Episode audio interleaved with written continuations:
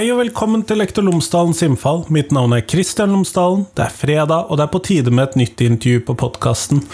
Denne gangen så snakker jeg med Jill Walker Rettberg, som er professor i digital kultur ved Universitetet i Bergen. Og jeg snakker med henne i denne fredagsserien min om ChatGPT og lignende verktøy, for å finne ut hva dette er for noe, og hvordan dette påvirker skolen. Denne gangen så prøver jeg å finne ut hva er egentlig ChatGPT? Er det en kunstig intelligens? Er det AI? Er det fremtidens selvtenkende roboter? Hvordan funker dette i skolen? Hvilke etiske og kulturelle dimensjoner har det? Og så videre. Dette er dagens tema. Og så frem, fredager fremover, inn i fremtiden, så kommer det flere episoder om hvordan ChatGPT påvirker skolen. Så er det mulig at jeg sier noe av det samme i neste episode, fordi, neste fredag altså, fordi at jeg vel ja, Det er mulig jeg sa det da òg, fordi at jeg spilte inn denne episoden etter at jeg spilte inn de to neste episodene mine. Men de passer veldig godt sammen i denne rekkefølgen som de kommer i nå. Podkasten Lektor Lomsdalens innfall er sponset av Fagbokforlaget, og Fagbokforlaget utgir bøker og digitale læremidler for hele utdanningsløpet, fra barnehage til høyere utdanning og profesjonsstudier, i tillegg til norsk for minoritetsspråklige. Og Det siste året så har det kommet en rekke spennende titler til lærerutdanningen, selvfølgelig, og en av disse er Lekende læring og lærende lek i begynneropplæringen.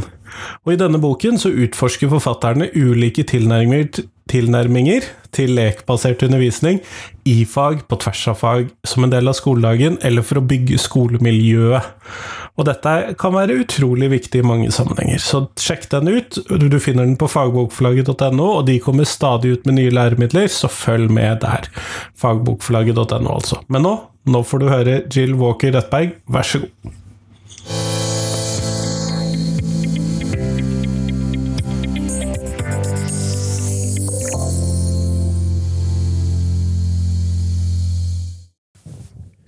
Jill Walker Rettberg, tusen takk for at du har tatt deg tid til meg i dag. Takk. Før vi kommer i gang med selve intervjuet, så hadde jeg håpet at du kunne fortelle lytterne mine tre ting om deg selv, sånn at de kan få bli litt bedre kjent med deg. Mm. Jeg er professor i digital kultur på Universitetet i Bergen. Um, da jeg var liten, så var pappa programmerer, så jeg fikk lære litt om programmering, men egentlig likte jeg å lese bøker best.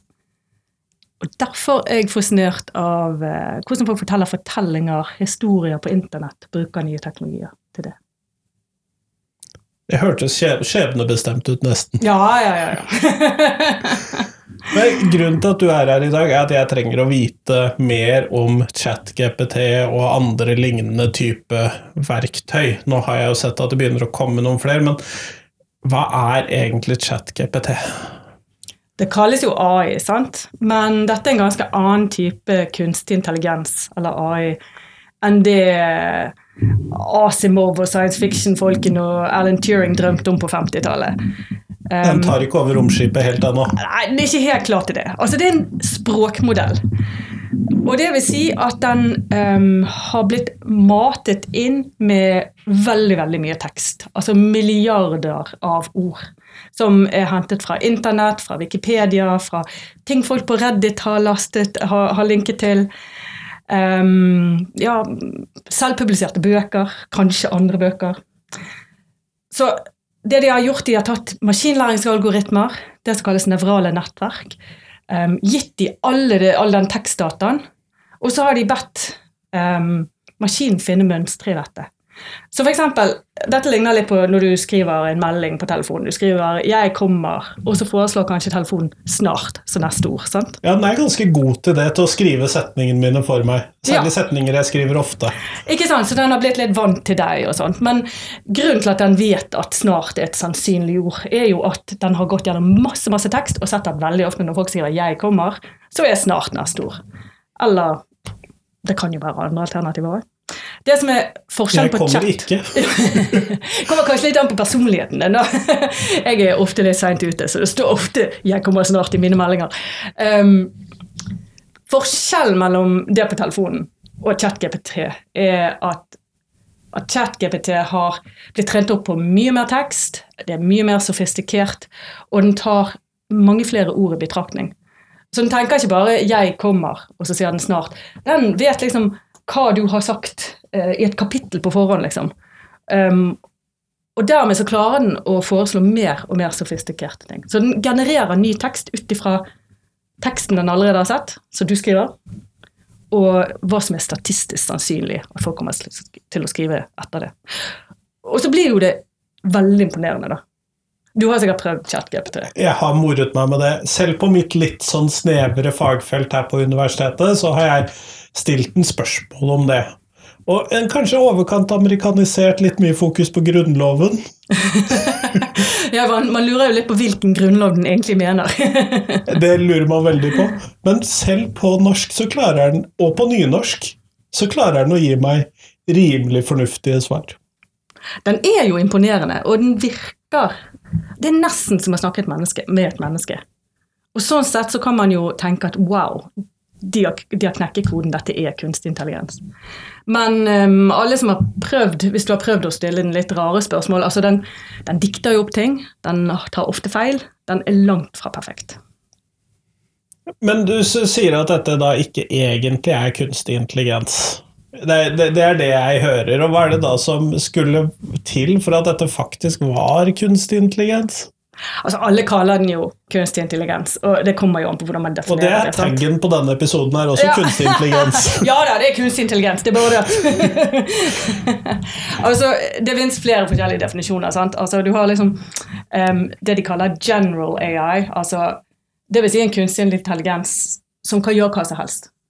Um, på samme måte som et menneske både kan um, kanskje lage middag og diskutere fagstoff og skrive et dikt og osv. Mennesker kan gjøre veldig mye forskjellig. ikke sant? Um, så man tenker at en sånn generell kunstig intelligens også ville måtte gjøre mye forskjellig. Og Tidligere så, så kunne man f.eks. lage en kunstig intelligens som kunne vinne over et menneske i sjakk eller i go. Veldig spesifikk kunstig intelligens. Veldig spesifikk. Um, nå har vi laget en som, som kan altså, som kan prate dritt i all tid og snakke og høres vennlig ut, men som ikke kan spille sjakk. Og som ikke ja, Den har blitt litt flinkere til sånn enkel altså regning. Jeg tror den nå vet at to pluss to er fire, men det gjorde den ikke da den kom ut, f.eks. Så, så dette er også en veldig sånn spesifikk, smal AI, sant? men på mange måter mer overbevisende. Så en tekstgenerator eh, underkategori, da? Ja, sant? men den, den er jo kjempeimponerende. Men nå har jeg, jeg har gått tilbake litt i siste og lest hva Alan Turing og Asimov og alle disse på 50-tallet egentlig snakket om. og um, Den AI-en de tenkte på, var jo en sånn regelstyrt AI. sant? At den var rasjonell, at du programmerte den, sånn som Asimov sine romaner. Disse tre grunnreglene og sånn. Nettopp. Um, I Asimovs sci-fi-verden så har, følger eh, roboter tre regler. De skal aldri skade mennesker, de skal adlyde mennesker alltid, med mindre det vil bety å skade mennesker. Uh, og så skal de beskytte seg selv, med mindre det vil bety at de ikke adlyder de andre to reglene. Og, og, de er kjemperasjonelle, og de vet, de, altså de kan beregne, de kan kalkulere alt mye bedre enn mennesker kan. ikke sant? Um, men den typen AI vi har i dag, har ingen altså den, den bygger på en annen paradigme, kan man si. Altså den, Istedenfor at man har programmert noen regler og tenkt at nå kan vi liksom definere hva intelligens er, og her er liksom etiske retningslinjer og absolutt alt, så er denne her basert på maskinlæring. Altså kaste en masse data, finn, um, finn sannsynligheter. Det er statistikk, ikke sant? Det er ikke regler. Fin sammenhenger her, ja. Men kunne ja. du ikke da tenkt deg at man la inn eh, disse reglene i tillegg? Jo, og de prøver litt på det, sant. Um, den vil ikke uttale seg om sånn klima, det, eller i hvert fall det er noen sånne temaer den ikke egentlig har lyst til å uttale seg så mye om. Ikke sant, Den er veldig fintfølende. sant? Den, eh, og det er fordi at ChatGPT har fått det de kaller et verdilag over denne tekstgeneratoren. Slik at de har de har faktisk leid inn 40 amerikanere da, til, å, til å skrive sånne idealsvar. Hvis du stilte ChatGPT et spørsmål, hva ville det ideelle svaret vært? Og så har de trent opp AI-en på disse idealsvarene. Og I tillegg så har de liksom fått folk til å si ja, dette er et dårlig svar, dette er et godt svar. Um, og dette det kalles uh, reinforcement learning, hva vil det der på norsk? da? Forsterkningslæringen. Det høres veldig riktig ut. Og det er jo sånn som du trener opp en hund. ikke sant? Du, du gir den eh, noe godt eller klapper den når den gjør noe riktig, og gir den ikke oppmerksomhet når den gjør noe galt. sant? Og ut ifra det så kan da modellen bli flinkere og flinkere til å, til å oppfylle de verdiene. da. Nettopp sånn, Det er en viss form for regler og likevel, men de har kanskje ikke sett behov for at den ikke skal skade mennesker ennå, da. Ja, og så er det jo fryktelig vanskelig å definere når noe er skadelig. sant? For eksempel em, har jo YouTube sine anbefalingsalgoritmer, som også er en form for AI. sant? Um, Også de begynner å bli ganske gode, da. ja, de er veldig gode til å vite eh, hva som skal til til å få deg til å se mer YouTube-videoer. Altså Der er jo problemet at eh, målet til algoritmen til YouTube er jo å, ja, og selge reklame, ikke sant? tjene penger, og det gjør de ved at du sitter og ser på videoer så lenge som mulig. Dessverre så viser det seg at folk pleier å se mer på videoer når de er sinte eller opprørte eller uenige. Um, så det har vært en god del studier som viser at uh, du blir matet med mer og mer ekstreme videoer. Sant? Så hvis du begynner å se på noe om å være vegetarianer, så får du snart veganer uh, og, og liksom boikotte alle fabrikker eh, dyr og osv. Eller ja, det, det som er verst, det er jo når man blir pushet ut i f.eks. radikalisering og eh, nazisme osv. Og det har vi sett dessverre at eh, en del algoritmer gjør. Så de skulle kanskje hatt denne ikke skad mennesker-regelen. Men, men da må du definere det ganske vidt, eh, tror jeg. Det er jo nesten umulig. Altså, for, når begynner det å skade mennesker? Er det når eh, unge tenåringsjenter på, på Instagram får matet, eller unge gutter får matet flere og flere bodybilder eller slankebilder og ender opp med anoreksi eller noe lignende? Det er jo skadelig, det er jo helt klart, men det er vanskelig å liksom bestemme akkurat hvor grensen går. Jeg tror ikke det hadde vært dekket av Asimovs regler. Jeg tror ikke Asimov tenkte på dette. det har skjedd litt siden 50-tallet. Det har det. det har det. Men ok, sånn at dette er en ganske intelligent maskin, verktøy, som eh, mater ut sannsynlige ord. ja. Men det, og du har jo sagt det selv, det virker ganske overbevisende. Den kommer med eller ordsammensetninger som er Mulig at jeg kunne skrevet de selv. Og elevene mine kunne definitivt skrevet det. Mm. Altså den, Det er nesten farlig, særlig når den kommer med noe som er feil. ikke sant? Um, altså når, når jeg, prøvde å teste hvor mye den egentlig visste om norsk kultur, for eksempel, og spurte uh, hvem hovedpersonen i Kardemommeby var, og den kom opp med altså for så vidt plausible. Hvis ikke du hadde lest eller visste noe om Kardemommeby, så kunne du f.eks. tenkt at Morten Rev og Mikkel Skogmus var karakterer i Kardemommeby. da. Men Og den var så overbevisende i måten den, den bare, den bare ramsa det opp. Det er ikke noe tvil. sant? Um, så det er jo litt skremmende. Og så i løpet av den siste uken eller to, og for de som hører på dette for et par uker siden, så gikk det jo et bild, skjermbilde hvor noen hadde spurt noen om norske helter. Ja vel, hva var norske Anders helter? Behring da? Breivik kom ut på topp. Oi! Det er jo helt forferdelig. Oi! Uff. Ja, Og det er et eksempel på det samme. da har det sannsynligvis vært mange tekster hvor eh, og, og noe av problemet er Dette er en transformermodell. Det betyr at den kan ta eh, kunnskap fra ett felt og overføre til noe annet. Og et av eksemplene, et, av- En av problemene hvor du, du får, da, er f.eks. at den kan ja, altså for eksempel, Bra ting. Den kan oversette. Den, den kan, hvis du sier at ok, em, en bil eh, på norsk, hva blir det på Altså å kjøre bil, f.eks. på norsk. Ok? Og så har du det franske ordet ja, gud, Jeg kan ikke nok fransk her, men å kjøre på fransk, da. Ja, ja. Vi sier engelsk! Jeg kan engelsk mye bedre.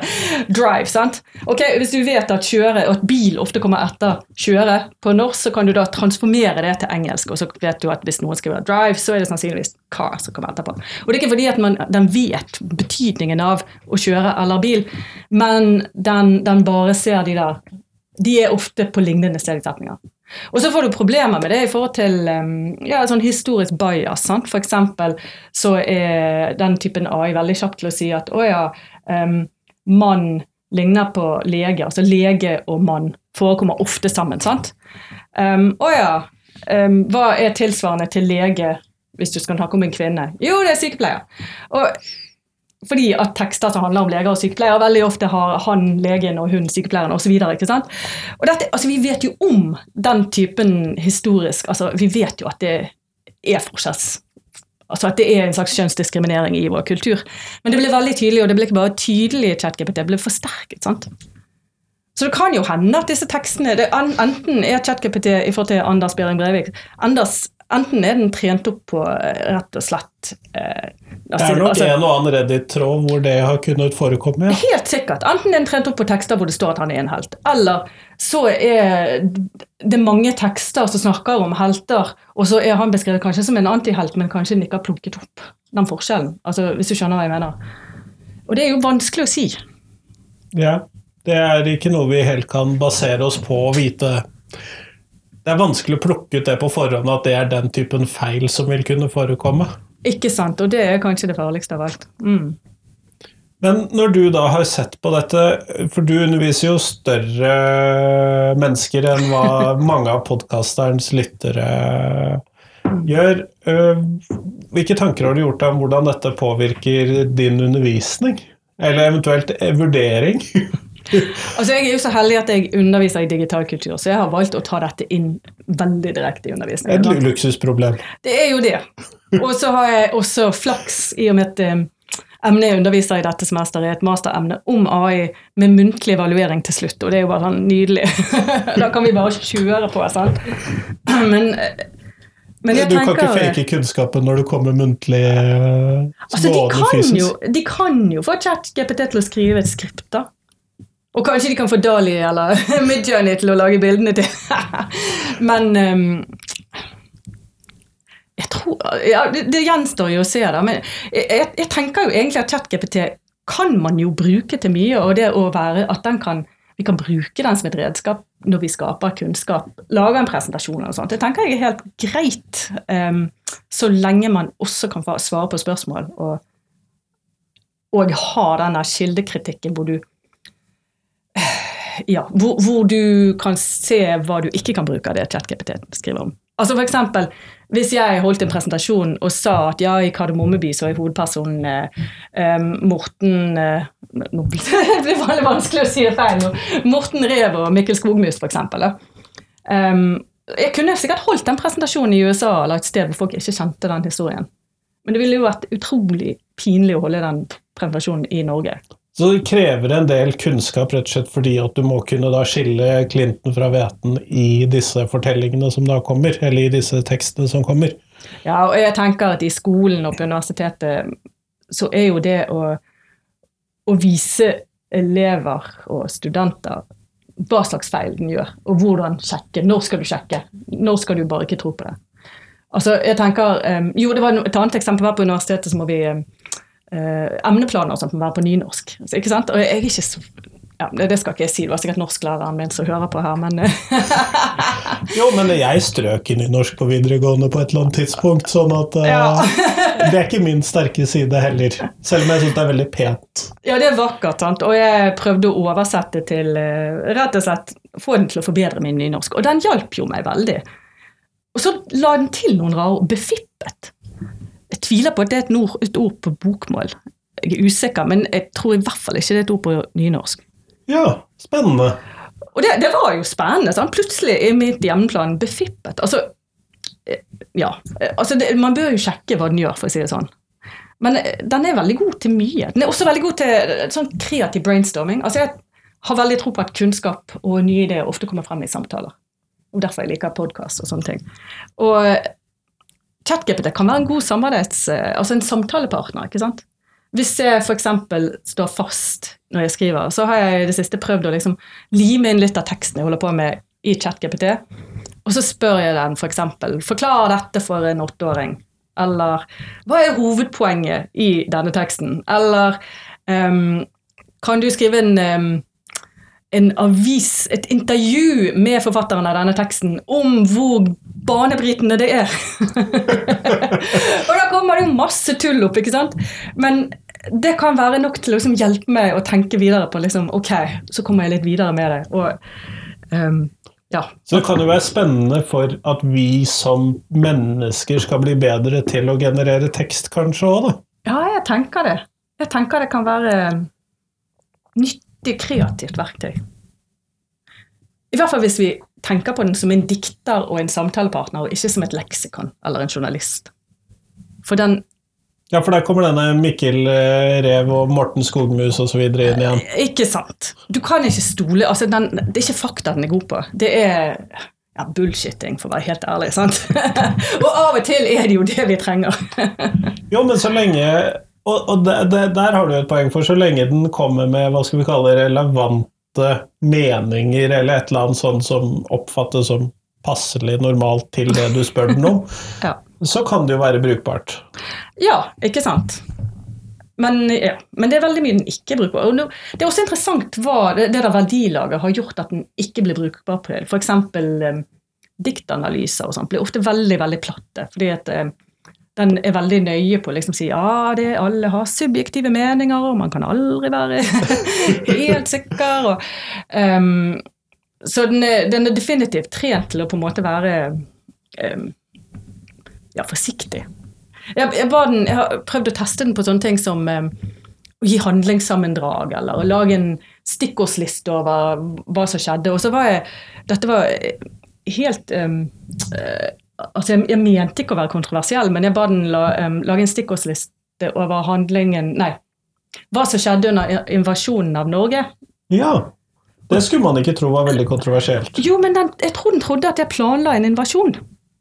Og Det var jo litt overraskende for meg, for det var jo ikke sånn ment. Gi meg en step by step-guide til hvordan invadere Norge. Ikke sant? Og det ville den ikke. Absolutt under ingen omstendigheter. Det, det, det kunne den ikke. Um, så det var jo også litt sånn interessant i forhold til å tenke litt på altså, det er sånn Teste grensene for hva De, de prøvde jo å gjøre, eller eventuelt har gjort, eh, muntlig eksamen i historiefag i videregående til muntlig praktisk eksamen. Det kunne kanskje være nyttig så koblet sammen. Uff da. Jeg burde skal formulert det litt annerledes. Jo, men det viser jo kanskje også noen av problemstillingene med den typen ikke-menneskelige tekstgeneratorer som ikke kan prøve å lese hva du egentlig sier. Nettopp. For i en samtale med et annet menneske, så det skal mye til for at noen feiltolker min intensjon på den måten. Så altså, jeg tenker egentlig Ok, jeg, jeg tenker ChatGPT og sånt er, kommer til å være kjempenyttig for veldig mye. Altså, for eksempel um, ja, noe som har dysleksi eller noe sånt. Jeg Um, et av barna mine har dysleksi, og bare det å bruke um, bruke det der i telefonen, hvor den foreslår neste ord, det er jo til utrolig stor hjelp.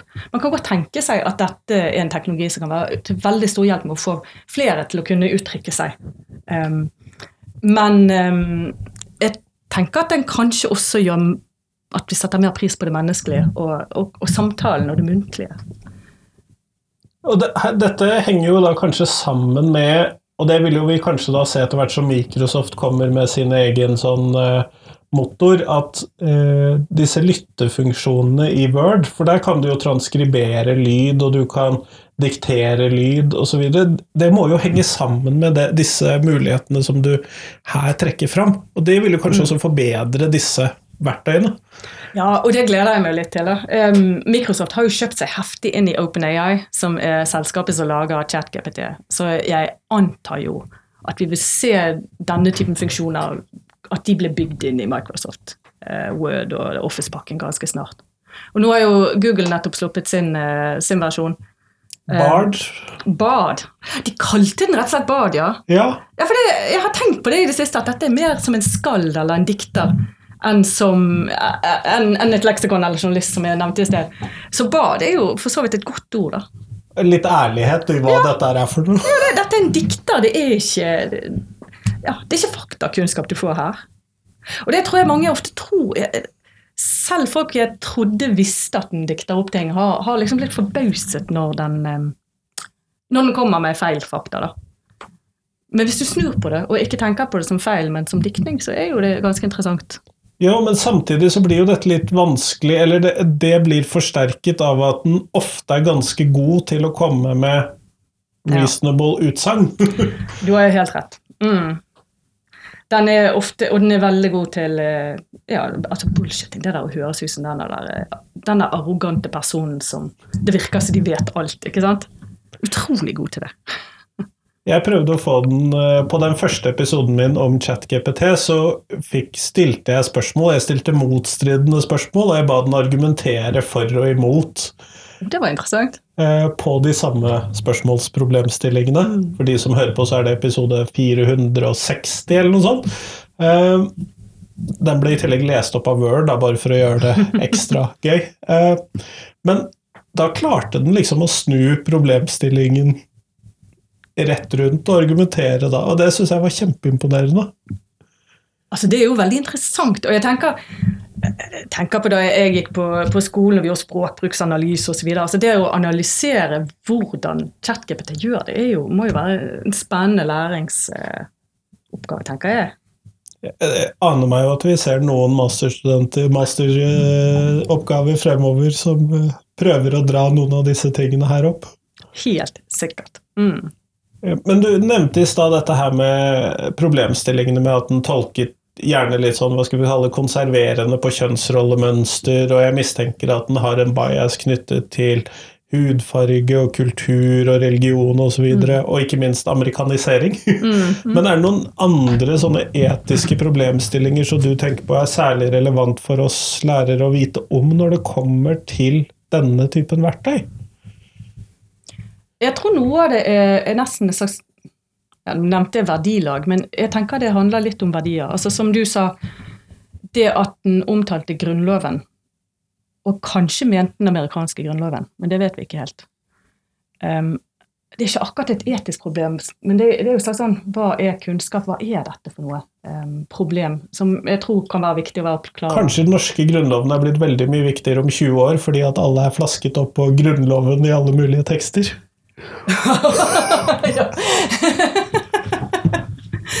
det kan være ganske Ja, ja, ja. Jeg, jeg leste nylig en artikkel som går litt på dette òg, om at det at AI og algoritmer har blitt så viktige de siste par tiårene, um, har egentlig ført til en slags overgang fra um, altså etterkrigens velferdssamfunn, hvor man på en måte hadde regelstyrte retningslinjer. Hvem skulle få rettigheter? Hva er reglene i samfunnet vårt?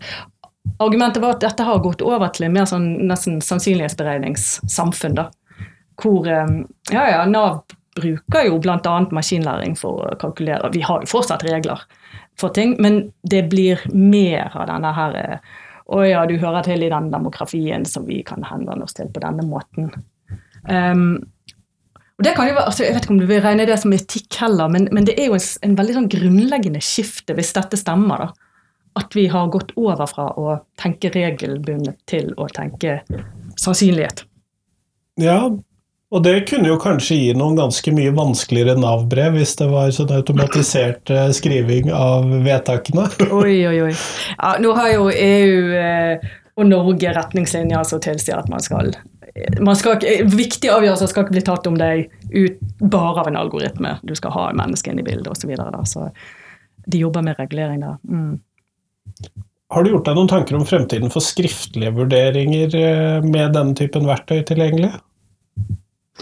Ja, vet du, altså nå, Vi hadde en debatt i universitetsaulaen her på UiB for et par uker siden. Den er lenket til i shownotene på denne episoden. Perfekt. For Arild Råheim, som har forsket på dette med eksamen eh, i mange år, hadde noen veldig gode poeng synes jeg, i den debatten om at eh, skriftlig vurdering er jo en slags eh, ut, altså, Vi burde kanskje ikke bruke den i det hele tatt, mener Råheim. ikke sant? Vi burde tenke på alternative vurderingsformer. Um, og sånn sett så virket det nesten som han ønsket ChatGPT velkommen fordi den Endelig er det noen som tar livet av dette. altså, det, er bare, det, det, funker ikke lenger, det er helt åpenbart. Sant? Men egentlig er det jo mange pedagogiske grunner til at dette er en dårlig eller, vurderingsform i utgangspunktet. Um, og det, det, jeg syns det var et um, overbevisende argument, men, um, men, løsningen er jo egentlig mye mer ressurskrevende. Det er, det, det er, jo derfor vi bruker skriftlig vurdering, går ut ifra. Um, hvilken annen grunn skulle egentlig Gammel vane? Ja, kanskje det er gammel vane, da. Men altså, det ideelle hadde jo vært en mye mer individuell uh, vurdering, eller kanskje ikke vurdering på den måten i det hele tatt. Um, skulle man egentlig fått til en slags sånn uh, chat-GPT i kunstig intelligens i, i, i, skolen på universitetet, så kunne man jo brukt det mye mer kreativt, men hatt en mye mer tilstedeværende lærer som, som hadde tid til å faktisk følge opp og følge med. Mm. En av de tingene som har vært den store tingen i forhold til muntlige eksamener i videregående skole, som jeg kjenner godt, har vært den der frykten for at denne powerpointen er egentlig laget av noen andre, altså foreldrene har bidratt, det er ikke elevene som har stått for denne. og Derfor så har man regler for hvor, hva som man skal legge vekt på i vurderingssituasjonen. At det egentlig da handler om denne samtalen etterpå, som du var inne på i stad Uh, og det samme vil man jo kunne se på sånn hjemmeeksamen. Er det virkelig disse som har skrevet denne eksamensoppgaven? Egentlig så kan jo dette kanskje kalles demokratisering av dette, altså, eller mm. egalitisering av dette, fordi at uh, også, hva skal vi kalle det, arbeiderklassens unger får nå muligheten til å få den hjelpen til å lage denne powerpointen eller lage denne teksten, eller ja, ja, I hvert fall hvis det blir pakket inn i lisensen til programvare som skolen tilbyr. Men OpenAI har jo begynt å ta 20 dollar måneden nå for liksom en litt bedre versjon av ChatGPT. Så jeg tror det er kanskje ganske kjapt klasseskiller der også. Ja. Men, men kanskje, kanskje, vi må tilbake til Sokrates og sånn skikkelig dialogbasert læring. Altså, jeg tenker, jeg har en kollega på litteraturvitenskap som sier at de har mange, de har mange sånn muntlige eksamener hos de, men uten presentasjon. Og en sier at studentene kommer og blir helt sjokkert over at de ikke skal ha en presentasjon på muntlig. De skal bare få spørsmål og bare samtale. Um, og det, det, er jo også Uff, eksamen er jo veldig stress uansett. Det er jo det. Det er jo det. Og da kan det jo være fint med en krykke å lene seg på. Ja, ja, ja. Jeg, jeg forstår det veldig godt. Men egentlig er det jo kanskje den menneskelige dialogen vi aller helst vil ha i læring og, og, overalt. Mm. Jeg tror vi skal runde av der, for det tror jeg var en god avslutning. Eh, men jeg skal stille deg det spørsmålet jeg stiller alle jeg intervjuer for tiden. Og hvilken lærer har gjort størst inntrykk på deg, og hvorfor det? Vet du, Jeg har hatt mange gode lærere gjennom årene, men, men den jeg kanskje husker mest, er faktisk første forelesningen jeg hadde på universitetet, som var i en stor sal. Det er jo ikke den typen aktiv studentbasert undervisning som jeg egentlig prøver å gi selv, men Atle Skittang foreleset om antikkens lyrikk, et tema jeg aldri hadde tenkt på. Jeg hadde lyst til å studere litteraturvitenskap, for jeg likte bøker. Men antikkens lyrikk hadde ingen forhold til det. Og så sto han bare der og foreleste så levende at jeg ble fullstendig revet med. Um, og det, det, har gjort et stort inntrykk. Kjempeflott. Tusen takk for at du tok deg tid til meg i dag. Det var en glede.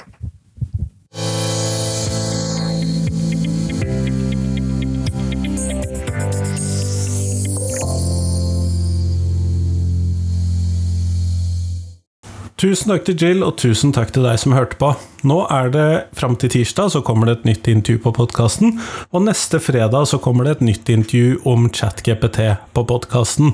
Så vanlige episoder på tirsdager og ChatGPT-episoder på fredager frem Vel, vi går tilbake til repriser, sånn at vi satser på at det blir bra. Men nå, nå håper jeg at du kan sende meg tips til hva du vil høre mer om. Har du et perspektiv på ChatGPT som du tenker at jeg bør ha med på podkasten, så send meg gjerne en melding om det, eller hvis du kjenner noen som du tenker at bør være med på podkasten om temaet, eller om noe helt annet, selvfølgelig. Men nå, nå får du ha en fin helg. Hei, hei.